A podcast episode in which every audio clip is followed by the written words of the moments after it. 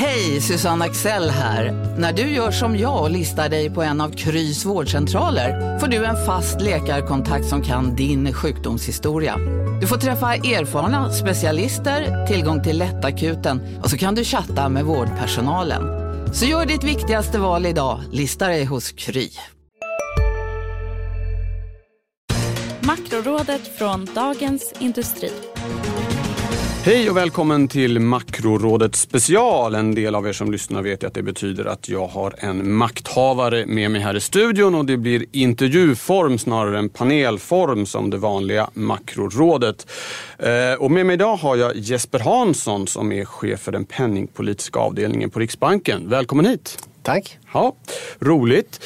Eh, jag skulle drista mig till att säga att du är lite av en doldis kanske. Eh, jag menar de som är kända i Riksbanken är de som sitter i direktionen men du, eh, du har varit runt på rätt många ställen på höga positioner. Du kom närmast från posten som chef för den ekonomiska avdelningen på Finansdepartementet.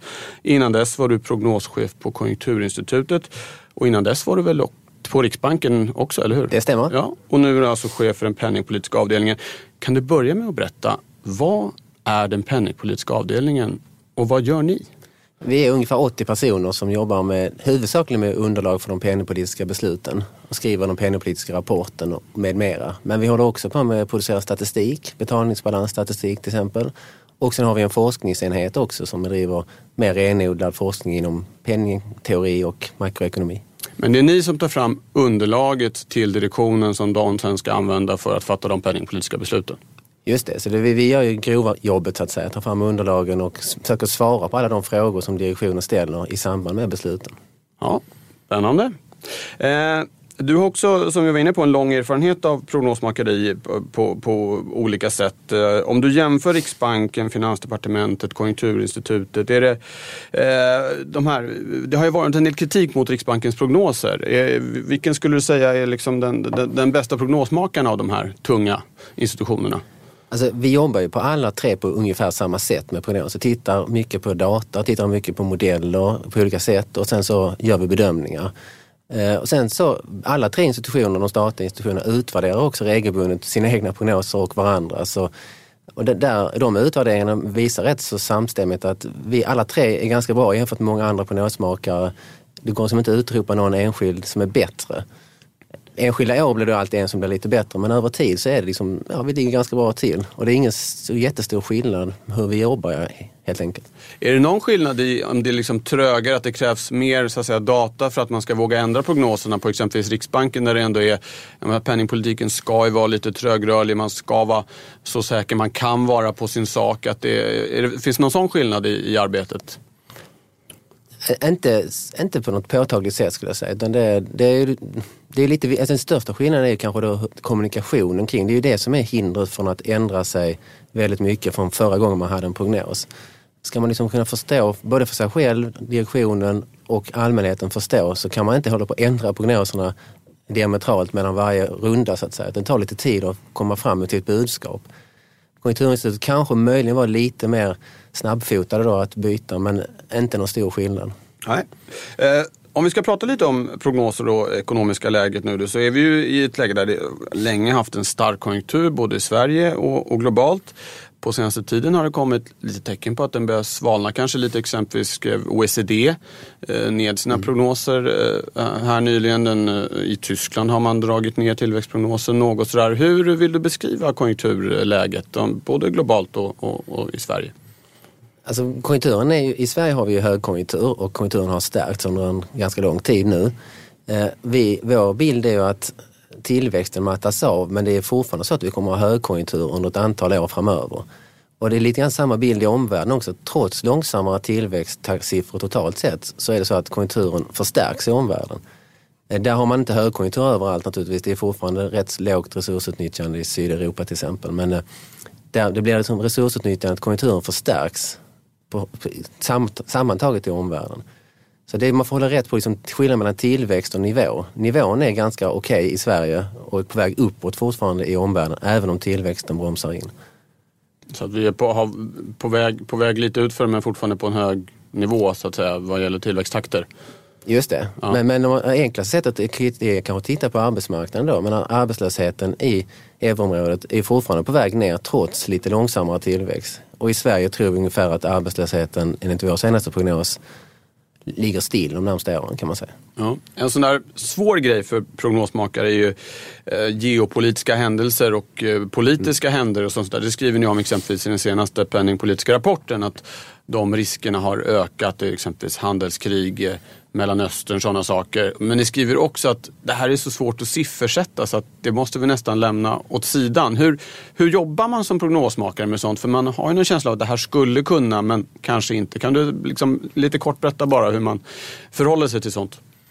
Man kan väl säga så att på de här på kortare sikt, alltså prognosen som bara är ett par, tre kvartal framåt, så då tittar vi mycket på olika sorts indikatorer, förtroendeindikatorer, enkäter till hushåll och företag och finansiella tillgångspriser, aktiekurser och annat.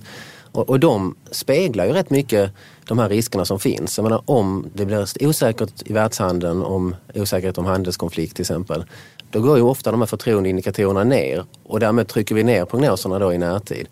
Så man kan säga att en hel del av de här osäkerhetsmomenten finns med i prognoserna. Sen är det på längre sikt såklart om det, är det väldigt svårt att liksom, göra en vettig prognos om man tänker sig en extrem riskscenario, alltså fullskaligt handelskrig där liksom världshandeln mer eller mindre kollapsar. Så, så det i praktiken så har vi inte med det i våra huvudscenarier men vi resonerar kring det och gör ibland alternativscenarier. Ja, okay, så det finns liksom mer lite indirekt då via indikatorer ändå kan man säga? Ja, framförallt på kortare sikt ja, så, så ja. försöker vi, våra prognoser, vi försöker göra prognoser som är det mest sannolika ut, utfallet så att säga och då beaktar vi även de riskerna. Ja. Eh, om vi tittar på inflationen lite så har den ju länge varit lägre än vad Riksbanken har, har räknat med. Eh, men eh, det senaste året har på alla, många inflationsmått i alla fall, det finns ju flera, vi ska återkomma till det, eh, legat nära målet på, på 2 vad, vad ser du för risk om du tittar framåt? Att den ska bli högre än det verkar som i dagsläget eller att den ska bli lägre? Eller är det, är det symmetriska risker som det brukar heta? Ja, I princip har vi symmetriska risker framåt. Det finns ju, men det finns, man kan ju tänka sig både att det blir både högre och lägre. Riskerna för att det ska bli högre handlar väl nog snarare om att vi har ju länge blivit förvånade över att det höga resursutnyttjandet, starka konjunkturen inte har drivit upp löner och priser mer. Så det är möjligt att det kommer med lite mer fördröjning än vi tidigare har sett och skulle kunna bli lite högre då. Men sen åt andra hållet så är det väl nedåtriskerna är ju oftast här att osäkerheten i omvärlden kan göra att konjunkturen generellt blir svagare och därmed lite lägre inflation. Det är väl det som är de huvudsakliga riskerna. Ja. Eh, eh, Federal Reserve, eh, alltså den amerikanska centralbanken, har höjt räntan åtta gånger, senast i onsdags.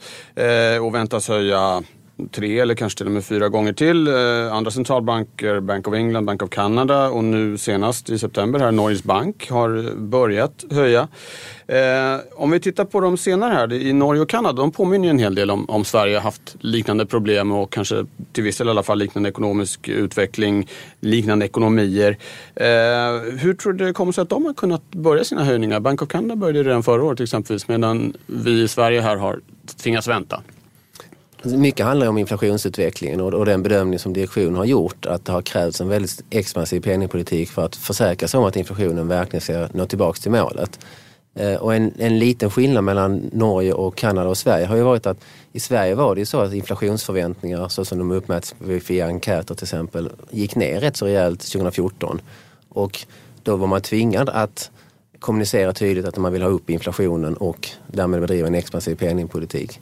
Men som sagt, det här är ju, det är ju en, ingen exakt vetenskap hur expansiv penningpolitik som man måste ha. Så det är ju en, den bedömning som direktion, majoritet av direktionen har landat i. Mm. En, en, risk som många, även Stefan Ingves, riksbankschefen, har pekat på är att eh, höjningarna kommer i, i Sverige och kanske också Europa, ECB då, i ett läge när konjunkturen mer tydligt har börjat vika. Eh, hur ser du på det? Alltså så länge konjunkturen, den är stark nu och så länge konjunkturen viker lite grann och börjar mer typ normaliseras så är det ju inget problem, det kanske snarast är önskvärt. Det, det, det man kan vara orolig för är naturligtvis att man får en mer tydlig sättning i konjunkturen, att det vänder ner rejält. Och, och då måste man ju antagligen ompröva penningpolitiken. Så att en, en viss avmattning i konjunkturen från den här starka nivån vi har nu är, är ju som inget stort problem. Skönt. Mm. eh, Eh, en, en sak som många har pratat om de senaste åren och som är, eh, förbryllar många är ju löneökningstakten. Det gäller både Sverige och andra utvecklade, utvecklade länder och det är en nyckel för att liksom varaktigt kunna få upp eh, inflationen på, på målet. Att, att, att lönerna ökar hyfsat snabbt. Vi har sett nu att den har legat kring 2,5 procent de senaste åren och faktiskt inte visar någon jätte jättetecken på, på, på att ta fart. Eh, ni räknar med att den ska upp till 3,4 tror jag att det är, eh, om vi ska vara noga med tiondelarna till 2020. Eh, samtidigt så kan man, tittar man på Prospera-enkäten eh, som är en enkät som går ut till olika parter, bland annat eh, arbetsmarknadens parter. Då, då justerar de faktiskt ner sina förväntningar på, på löneökningstakten nu, nu senast. Vad är det som talar för att lönerna ändå ska skjuta fart till de här ja, 3,4 som ni räknar med? Då? Man kan först notera att de flesta professionella prognosmakare, alltså alla som jobbar med prognoser, har en uppgång i löneökningstakten baserat just på den faktum att vi har stark arbetsmarknad, höga, företagen rapporterar om hög brist på arbetskraft och arbetslösheten har fallit. Eh, så att de, flesta är inne på det spåret att det ska upp och vi är relativt försiktiga i vår prognos om man jämför med andra. Eh, sen är det de här Prospera-enkäterna då det är ju en, liksom en liten orosfaktor naturligtvis för att samtidigt, de här personerna som svarar om sina i Prospera tror ju samtidigt på att inflationen ska bli ungefär 2% på ett par års sikt. Så att de, de facto är de väldigt pessimistiska då om reallöneökningen. Och det, och det är inte helt lätt att förstå hur, hur det hänger ihop. Eh, en tolkning är att man, man, man tror på inflationsmålet men det ska fortfarande så att säga, sippra igenom i ekonomin. Det, ska synas i löneökningstakt och prisökningstakt också. Och, och den, den länken skulle man kunna bli lite orolig för när man ser svaren då i Prosperas löneförväntningar. Har någon idé om vad det här kan bero på? Är det någonting grundläggande som har förändrats i hur arbetsmarknaden eller ekonomin i stort fungerar. Både att vi inte har haft så höga löneökningar som vi så att säga, borde ha haft i relation till tillväxttakter och annat och att, att arbetsmarknadens parter är så pass försiktiga som de, som de ändå verkar vara. Ja, någonting vi själva har funderat på och skrivit om är ju alltså, sambandet med löneutvecklingen i omvärlden. Vi skrev någon fördjupning om det i fjol. Eh, och där det verkar så att svenska löner påverkas mer av omvärldsutvecklingen, löneutvecklingen i omvärlden än vad vi tidigare kanske har trott. Eh, och det är en faktor då som, som kan ha dämpat och där ser vi ju ändå då vissa tecken på ljusning att löneökningstakten i vår omvärld är på väg upp rätt tydligt i USA men även då i Europa och Tyskland är det på väg uppåt. Eh, så det, det är en faktor. Och sen naturligtvis den ökade flexibiliteten på arbetsmarknaden i Sverige med framförallt då ökad rörlighet inom EU. Eh, har ju säkert bidragit också till att löneökningarna har varit relativt modesta i Sverige. Om vi går vidare till inflationsmått, vi var inne på det lite förut, så eh, finns det en del kritik mot eh, den här familjen av KPI-mått som ju mäter kostnadsutvecklingen för konsumenter, att det inte riktigt liksom präglar eh, inflationen i, i ekonomin. Har du någon eh, synpunkt i den eh, frågan? Alltså det, det viktigaste för penningpolitiken är ju som garanterar penningvärdet. Det är det som det står i, grund, i riksbankslagen. Och exakt hur man definierar den, det är lite klurigt. För länge sedan så definierade man det som att man skulle garantera guldpriset då, det var guldmyntfot. Och sen bytte man till fasta växelkurser under efter andra världskriget. Och man garanterar kronans värde i förhållande till omvärldens valutor. Och nu kan man se det som att vi har en KPI-myntfot. Vi säger att kronan ska vara värd en genomsnittlig korg av varor som ett genomsnittligt hushåll konsumerar ska kosta 2, procent 2 mer än i fjol. Så, att säga. så då, då, kopplar man till den varukorgen i KPI. Eh, och man kan tänka sig andra konstruktioner. Fördelen med att ha en rätt så bred korg är att det blir stabilare, stabilare utveckling helt enkelt och att det är någonting som verkligen betyder något för vanligt folk. Så att säga. Det är det vi själva köper. Om det är guld så kanske man inte konsumerar så mycket guld och det är kanske inte så mycket värt att guldpriset är stabilt. Alla andra priser skulle röra sig. Men eh, som därför kan man diskutera exakt vad man ska. Det ska bör vara ett brett mått. Men man skulle kunna tänka sig ännu bredare mått eller lite smalare. Bostadspriser är ju en del som eh, tycker skulle finnas med i, i det här inflationsmåttet exempelvis. Det, det finns många, man kan tänka sig alla möjliga, man kan tänka sig även andra tillgångspriser. Det finns de som är extrema och när man, om man väl skulle inkludera bostadspriser, vilka andra fastighetspriser ska med? Ska de med aktiepriser också? För att, liksom, poängen är att du behöver någonting väl etablerat, brett mått som ändå är väl definierat, går att mäta och som, som betyder något för vanligt folk. Och då har vi som kompromissen har varit då konsumentprisindex i Sverige och i de flesta andra utvecklade länder. Ja. En, en, annan sak om vi pratar om inflationsmått, eh, eh, så inflationen ligger ju kring 2 och har gjort eh, ett, ganska länge. Eh, I den senaste KI-barometern så eh, svarade hushållen när de fick frågan vad de tycker att inflationen är så var det 3,5, nästan dubbelt så högt. Vad, är, det här, är det ett problem att liksom den uppmätta officiella inflationen är en medan hushållen då verkar tycka att, att det, den är något annat? Det, det, är väldigt svårt att uppge inflation. Så, så jag skulle själv ha mycket svårt, om jag inte kände till inflationsutfallen från SCB publicerat utifrån mina egna prisobservationer kunna räkna ut hur mycket priserna har ökat. Och ser man på de här individuella svaren som hushållen levererar i den här KI-barometern så spretar det ju rätt så rejält så att säga, från minus 5 till kanske plus 20, 50, 100 procent plus. Eh, och, så det, man får ha respekt för att det är svårt att liksom, uppskatta den här siffran. Eh, många andra länder har problem med motsvarande mätningar. Det är inte så många EU-länder som, där man ens försöker ställa frågan till hushåll. Därför att man då får ännu konstigare svar. Ja, kan, det, kan det vara så enkelt som att man, man, tycker att oj vad dyrt det här har blivit. Man tänker inte så mycket någonting oj vad billigt det här har blivit. Alltså att man är lite, vi är lite lagda åt det hållet och tycker att vad dyrt det har blivit. Är det, är det liksom så, så enkelt kanske? Så, så är det förmodligen. Framförallt de som svarar väldigt höga prisökningstakter. Ja. Men, men jag tror att man får liksom också vara respekt för att, som jag sa inledningsvis, om jag skulle själv räkna ut det, jag skulle ha väldigt svårt, ska jag sitta där med kvitton och jämföra och det, det har man liksom inte tid till när man får en telefonintervju. Nej, nej okej, okay. det är sant. Metodproblem. Ehm, eh, en annan, eh, håller fast vid, vid inflationsmått här med, och, och, skillnader så är ju KPIF, den underliggande inflationen, KPI rensat för effekter av ränteförändringar, är det numera målvariabeln för Riksbanken. Eh, det är väldigt stor skillnad på inflationen mätt med KPIF och KPIF exklusiv energi. Eh, det är liksom oljepriset stiger. Vi är specialister på det vi gör, precis som du. Därför försäkrar vi på Swedea bara småföretag som ditt. För oss är små företag alltid större än stora och vår företagsförsäkring anpassar sig helt efter firmans förutsättningar. Gå in på swedea.se företag och jämför själv. Hej, Synoptik här. Hos oss får du hjälp med att ta hand om din ögonhälsa. Med vår synundersökning kan vi upptäcka både synförändringar och tecken på vanliga ögonsjukdomar. Boka tid på synoptik.se elpriserna har varit höga så det har blivit en stor diff här. Och, och, och, och eh, där den ena ligger då som två och den andra en bit under en och en halv. Och när det gäller energi då är det ju sådana saker som man säger att ja, det ska centralbanker ignorera därför att de priserna rör sig upp och ner och de går inte att påverka. Eh, Samtidigt så har vi en väldigt stor skillnad här och man kan också tänka sig att det kommer andrahandseffekter, alltså att höga energipriser smittar av sig på andra varor och, och tjänster. Hur, hur tänker ni kring det här när det är ett så väldigt stort gap som det är nu? Alltså, när vi gör inflationsprognosen för KPIF, som är ju det som är det viktigaste för penningpolitiken, vad, den, vad inflationen tar vägen på något års eller ett par års sikt.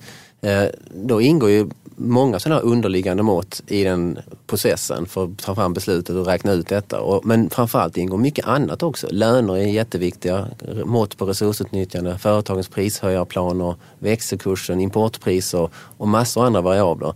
Så att men sen så när vi eh, när vi berättar vår historia om, så här, försöker motivera vår prognos, då blir det ofta så att en del av de här underliggande måtten kommer fram i ljuset, kanske får kanske lite för mycket uppmärksamhet.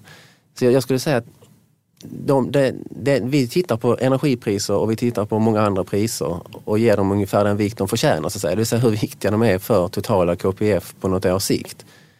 Ehm, en fördel eller en nackdel kan man säga, men som du var inne på, att energipriser är ju ofta så tillfälligt upp och sen tillfälligt går de tillbaks igen. Och de flesta tycks ju nu vara överens om att elpriser i Sverige kommer gå ner när regnet kommer tillbaka och vattenmagasinen fylls på. Och det känns som en relativt hyfsat säker prognos att så kommer det nog bli. Och då lägger vi såklart in det i prognosen och utnyttjar den informationen.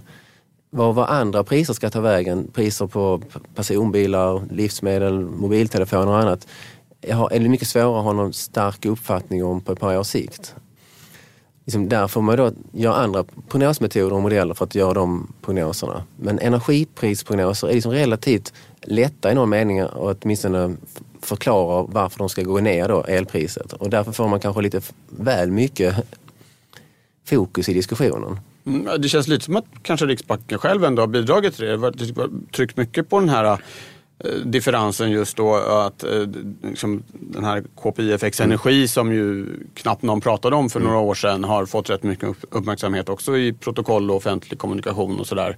Är det just för att skillnaden är så stor eller en del undrar ju liksom, är det det de egentligen siktar på eller är det KPIF? Jag tycker ju själv att det är lite olyckligt. Om man läser liksom penningpolitiska rapporten, den är lite fylligare då. Där har vi, motiverar vi mer med alla möjliga variabler som ingår i den här bedömningen och som ligger till grund för den totala inflationsprognosen. Eh, och det tycker jag är det viktigaste att komma ihåg. Sen så är det naturligtvis så att just nu är det ju så att, som du var inne på, att liksom nästan en procentenhet av de två procenten inflation i KPIF kommer ju från stigande energipriser. Och vi är ju rätt övertygade om att det är tillfälligt när elpriserna bland annat kommer falla tillbaka. Och, och då är det ju viktigt att försöka för att kunna förklara vår prognos för hela KPIF. Vad ska då hända med resten av inflationen framöver? Och, och då blir det liksom, så när det är väldigt stora rörelser i energipriser, då, då är det inget konstigt att man liksom pratar mer om det. Man kommer ju ihåg liknelser från början av 2000-talet också när det var eh, torrår och problem med kärnkraften när elpriserna stack upp kraftigt. Och även de gångerna så var det mycket fokus på exklusiva energimått. Nu tänkte jag att vi ska ge oss ut i forskningsfronten kanske. Det är en intressant studie, eh, rätt färsk, där bland annat Riksbankens eh, Jesper Lindé är med. Det är forskare från andra länder också som har tittat på eh, hur centralbanker eh, styr penningpolitiken. Det har ju varit väldigt mycket fokus på inflation de senaste 20-25 åren. Men det de kommer fram till att det finns välfärdsvinster att göra om centralbankerna tittade lite mer på aktivitetsnivån i ekonomin, alltså ett bredare mått, eh, tillväxt och, och sådana saker. Vad tänker du om den här diskussionen? Som sagt, det här är en forskningspapper, det finns mycket forskning och sånt, men det är ändå en intressant slutsats de kommer till här. Hur går dina tankar? Jo, men jag, jag håller med att det är intressant forskning och välbehövlig också. Eh, man kan väl säga att de centralbankerna har ju sedan en rätt lång tid numera kommit fram till att vi ska ha flexibla inflationsmål. Man alltså ska ta hänsyn till mer än bara inflation. Och Riksbanken driver ju också flexibel inflationsmålspolitik. Eh, och, och det är ju viktigt att liksom forskarna då liksom funderar nog på vad är de explicita vinsterna med att bedriva mer flexibel politik och eventuella kostnader med det också. Och det här uppsatsen är ju en del i den kunskapsuppbyggnaden. De, en centralbank som verkligen har ju tydligt poängterar att det är inte bara inflationen. Det är Federal Reserve som har faktiskt ett dubbelt mandat med mm. sysselsättning också. Och, och, Riksbanken till viss del som du är inne på, det är väl ta hänsyn till de ekonom, allmänna ekonomiska utvecklingen eller, och, och, så. Men, men, det de hävdar här är ju att det, att det borde vara mycket tydligare än så. Att det kanske skulle vara 50-50 för exempelvis en ekonomi som den svenska. Mm. Och riktigt så är det ju inte eh, när, när, när, Riksbanken eh, sätter räntan, i alla fall som man uppfattar det utifrån. Är det här liksom någonting ni diskuterar? Man skulle ju kunna tänka sig någon slags eh, ja, dashboard, att man har liksom, här har vi ungefär som en bil, att man har liksom olika mätare där inflationen är en och kanske arbetslösheten är en och någon annan är den tredje och så man väger samman det där. Är det en diskussion som förs? Men den, den förs inte jag tänker inte, tänker inte att vi får en väldigt stark, livlig intern diskussion exakt hur det här ska utföras. Vi tar ju för utgångspunkt i hur riksbankslagen nu ser ut, där vi, där vi inte har ett dualt mandat utan där det fokus är på prisstabilitet. Sen så tycker jag att vi ändå tar hänsyn rätt mycket till realekonomin i de penningpolitiska besluten och i de underlag som vi producerar. Eh, diskussionen är viktig och eh, det, sen är det svårt också. Sen en sak som man måste komma ihåg också är att i den här det är väldigt modellspecifika övningar som Jesper Lindé och kompani har gjort. Och då är det inte, kanske inte den svenska ekonomin som man exakt har modellerat utan det är en stiliserad ekonomi. Och till exempel där är det ju, inflationsförväntningar är ett väldigt viktigt element. Och i de här typen av modeller så är det oftast så att inflationsförväntningar tar man för givet så att säga. De är alltid förankrade kring målet. Och det, var det måste man, i verkligheten är de inte alltid det, det har vi fått erfara i Sverige. Och då måste man kanske ge inflationen lite mer vikt, åtminstone en period. Mm. Så det finns liksom, verkligheten är lite mer komplicerad än de här modellerna, även om det då är väldigt viktig information och nyttig eh, erfarenheter man får. Ja. Jag tänkte vi ska gå vidare på, på forskningsspåret. Eh, eh, vi har ju en reporänta på minus en halv procent. Eh, det låter ju väldigt, väldigt expansivt. Eh, vi vet också att den neutrala realräntan, alltså någon slags icke observerbar men tänkt ränta där ekonomin är i balans och eh, investeringar och, sparande eh, möter varandra har sjunkit globalt under flera decennier. Eh, enligt en studie i, eh, publicerad i Riksbankens tidskrift Penning och valutapolitik eh, i, i våras så är den här neutrala realräntan för svensk räkning nästan minus 2 procent. Och då blir plötsligt penningpolitiken inte alls lika expansiv längre om det stämmer. Vad, vad tänker du om det? Jag, jag håller med om att jag tror också att en, liksom, om något rimligt koncept, neutral realränta, är väldigt låg. Exakt hur låg är blir då väldigt modellspecifikt. Men sen får man också, för jag tycker själv att det kan vara lite det är lite missledande. Det är väldigt svårt att definiera vad menar man exakt med det här konceptet. Jag tycker man kan säga att en penningpolitik med lägre reporänta är mer expansiv än en med högre. Det, är som, no, det tror jag de flesta är med ja, på. Det är no-brainer. Men, ja. men huruvida en, en penningpolitik är expansiv eller kontraktiv, det, det är väldigt beroende på vad du definierar som neutralt. Och det, du kan gräva ner dig i modeller och komma fram till rätt många olika tolkningar av detta. Eh, det är svårt helt enkelt. Just nu känns det som att trots att den neutrala realräntan förmodligen är väldigt låg, med alla rimliga definitioner, så tror jag nog att minus en halv är att betrakta som expansiv. Men jag själv skulle föredra att man liksom är lite försiktig med att använda de där begreppen. Det, jag är inte säker på att det blir, alltså man blir så mycket klokare av att liksom kvantifiera det som att den är expansiv eller neutral. Det, det viktiga är ju vad räntan är. Det är det som hushåll och företag kommer att agera på. Och sen vad vi sätter etikett på det ska man kanske vara lite försiktigare än vad många, och inklusive vi själva, har varit historiskt. Ja, okej. Okay. Eh, fortsätter lite på samma tema. Där I februari i fjol så sänkte Riksbanken sin bedömning av vad som är en långsiktigt neutral reporänta till intervallet 2,5 till 4 procent. Om vi tänker att vi fortfarande har en inflation på 2 procent eller målet att inflationen ska vara 2 procent så får vi då en neutral realränta på en halv till, till 2 procent. Eh, om vi ändå tänker oss att ja, säger att neutral realränta kanske inte är minus 2 men att den i alla fall kanske är under noll. Vad är det som talar för att för att den ska upp till de här eh, en halv till två eh, de närmaste åren? Alltså det, man kan väl säga så att um, om, omvärldsräntorna är väldigt viktiga för den svenska neutrala räntan och i omvärlden så kan man ju se en viss tendens i alla fall till att det är stigande långräntor och även reala långräntor. Uh, men att man skulle landa men som sagt, den här skattningen på exakt minus två, det är en skattning. Det finns ju andra som är lite högre, att en jämviktsränta nu är minus två. Det finns ju andra. Ja, det behöver inte vara minus två, ja. men säg att den ligger noll eller lite mm. under noll i alla fall. Det finns det ju andra mm. studier också som men sen så det här, vårt, det här intervallet, det ska ju gälla på ett antal års sikt. Så att det inte, behöver ju inte hoppa upp till inom det här intervallet närmsta året eller två. Det, det, liksom, vi har ju tänkt, vi har ju sagt att det ska gälla efter fem till tio års sikt i alla fall. Mm, men ni ser någon slags, mm, ja kanske inte normalisering, men i alla fall att den neutrala realräntan eh, ska stiga då de närmaste, närmaste decenniet om vi säger så. Det är ju, det, det är ju den liksom rimligaste bedömningen vi kan göra just nu i alla fall. Och den känns som att vi har viss stöd av som andra bedömare ser på det. Men eh, som sagt, det, det, är väldigt osäkert och vi har ju ändrat en del av de här bedömningarna tidigare. Så att, men jag själv tror också på att det, det finns en hel del tillfälliga faktorer fortfarande, rester från finanskrisen och en del demografiska rörelser som då trycker ner jämviktsräntorna nu som är på väg att, en del av de faktorerna håller på att lätta lite grann nu. Ja. Om vi ändå tänker oss att vi har en värld där vi, där vi har åtminstone lägre neutrala realräntor än tidigare, vi behöver inte prata om de exakta nivåerna. Så ett sätt att liksom attackera det eh, skulle ju vara att höja inflationsmålet för att skapa en fallhöjd för den nominella räntan att kunna motverka eh, lågkonjunkturer och, och, annat som händer i ekonomin och också minska risken för att man ska hamna där Riksbanken har varit nu med minusränta och, och tillgångsköp och sånt. Och det var någonting som faktiskt Cecilia Skingsley luftade lite tankar kring vid det senaste mötet. Annars har det kanske varit en akademisk diskussion och kanske framförallt utlandet, inte så mycket i Sverige. Men vad, hur, vad tänker du kring den här frågan om att, att, att ett sätt att, eh, så att säga, komma åt de här problemen med den låga neutrala realräntan oavsett exakt nivå mm. genom att höja inflationsmålen. Vad, vad tycker du?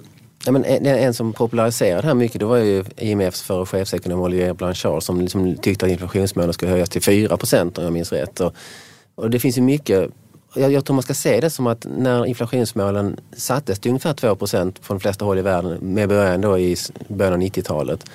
Då då, då var man orolig för att inflationen hade varit för hög i, resten, i stora delar av under 80-talet och stora delar av världen. Och 2% kändes som ett rätt ambitiöst och kanske lagom mål på den tiden. Eh, nu har man då fått lite andra erfarenheter och som vi är inne på den här låga jämviktsrealräntan skulle man kanske då kunna argumentera för att, eller det är ju ett argument för att det vore bättre med ett högre inflationsmål. Sen får man ju fundera på att det är inte helt lätt att ändra inflationsmål. Det måste ju uppfattas som trovärdigt och det är ju en klar fördel om man har ett likartat inflationsmål i stora delar av världen.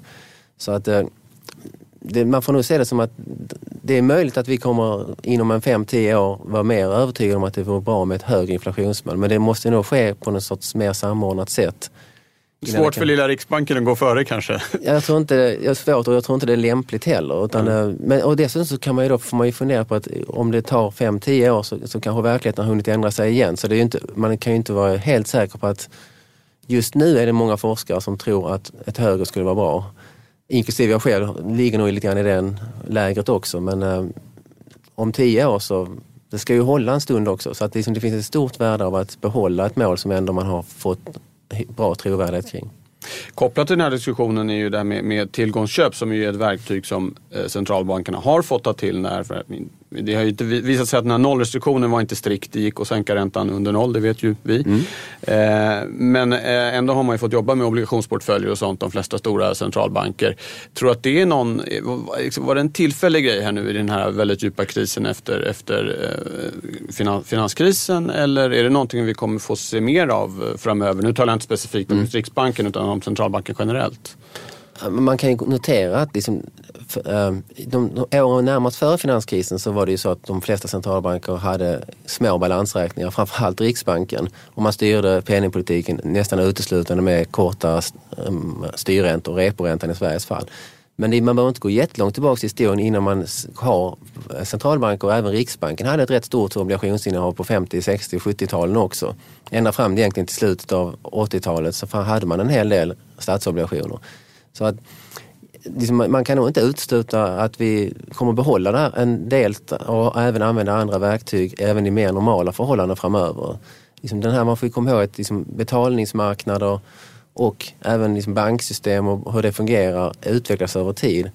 Och det är inte säkert att man bara vill styra med en kort eh, reporänta framöver. Man kan tänka sig att andra instrument kommer kunna användas.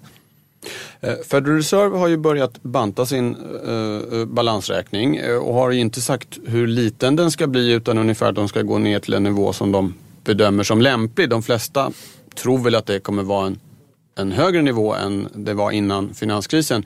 Eh, Riksbanken har ännu inte börjat skala ner den.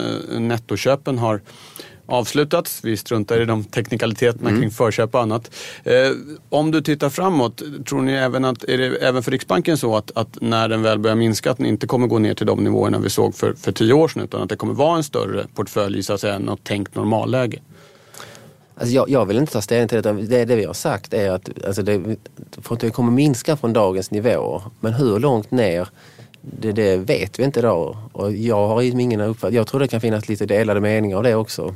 Inom, vi har inte tagit ställning till det helt enkelt. Och som tjänsteman har jag inte heller liksom brottats med den frågan ännu. Nej, okej. Okay. Det är en kommande huvudverk kan man säga då? Ja, eller, eller glädje. För man ja, kan ja, det är bra. Man det är helt rätt. Ja, det är bra. Vi får sätta punkt där. Stort tack för att du kom hit eh, Jesper Hansson och tack ska du ha som har lyssnat. Hej så länge!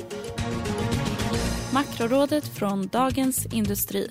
Podden klipps av Umami Produktion. Ansvarig utgivare Peter Fällman.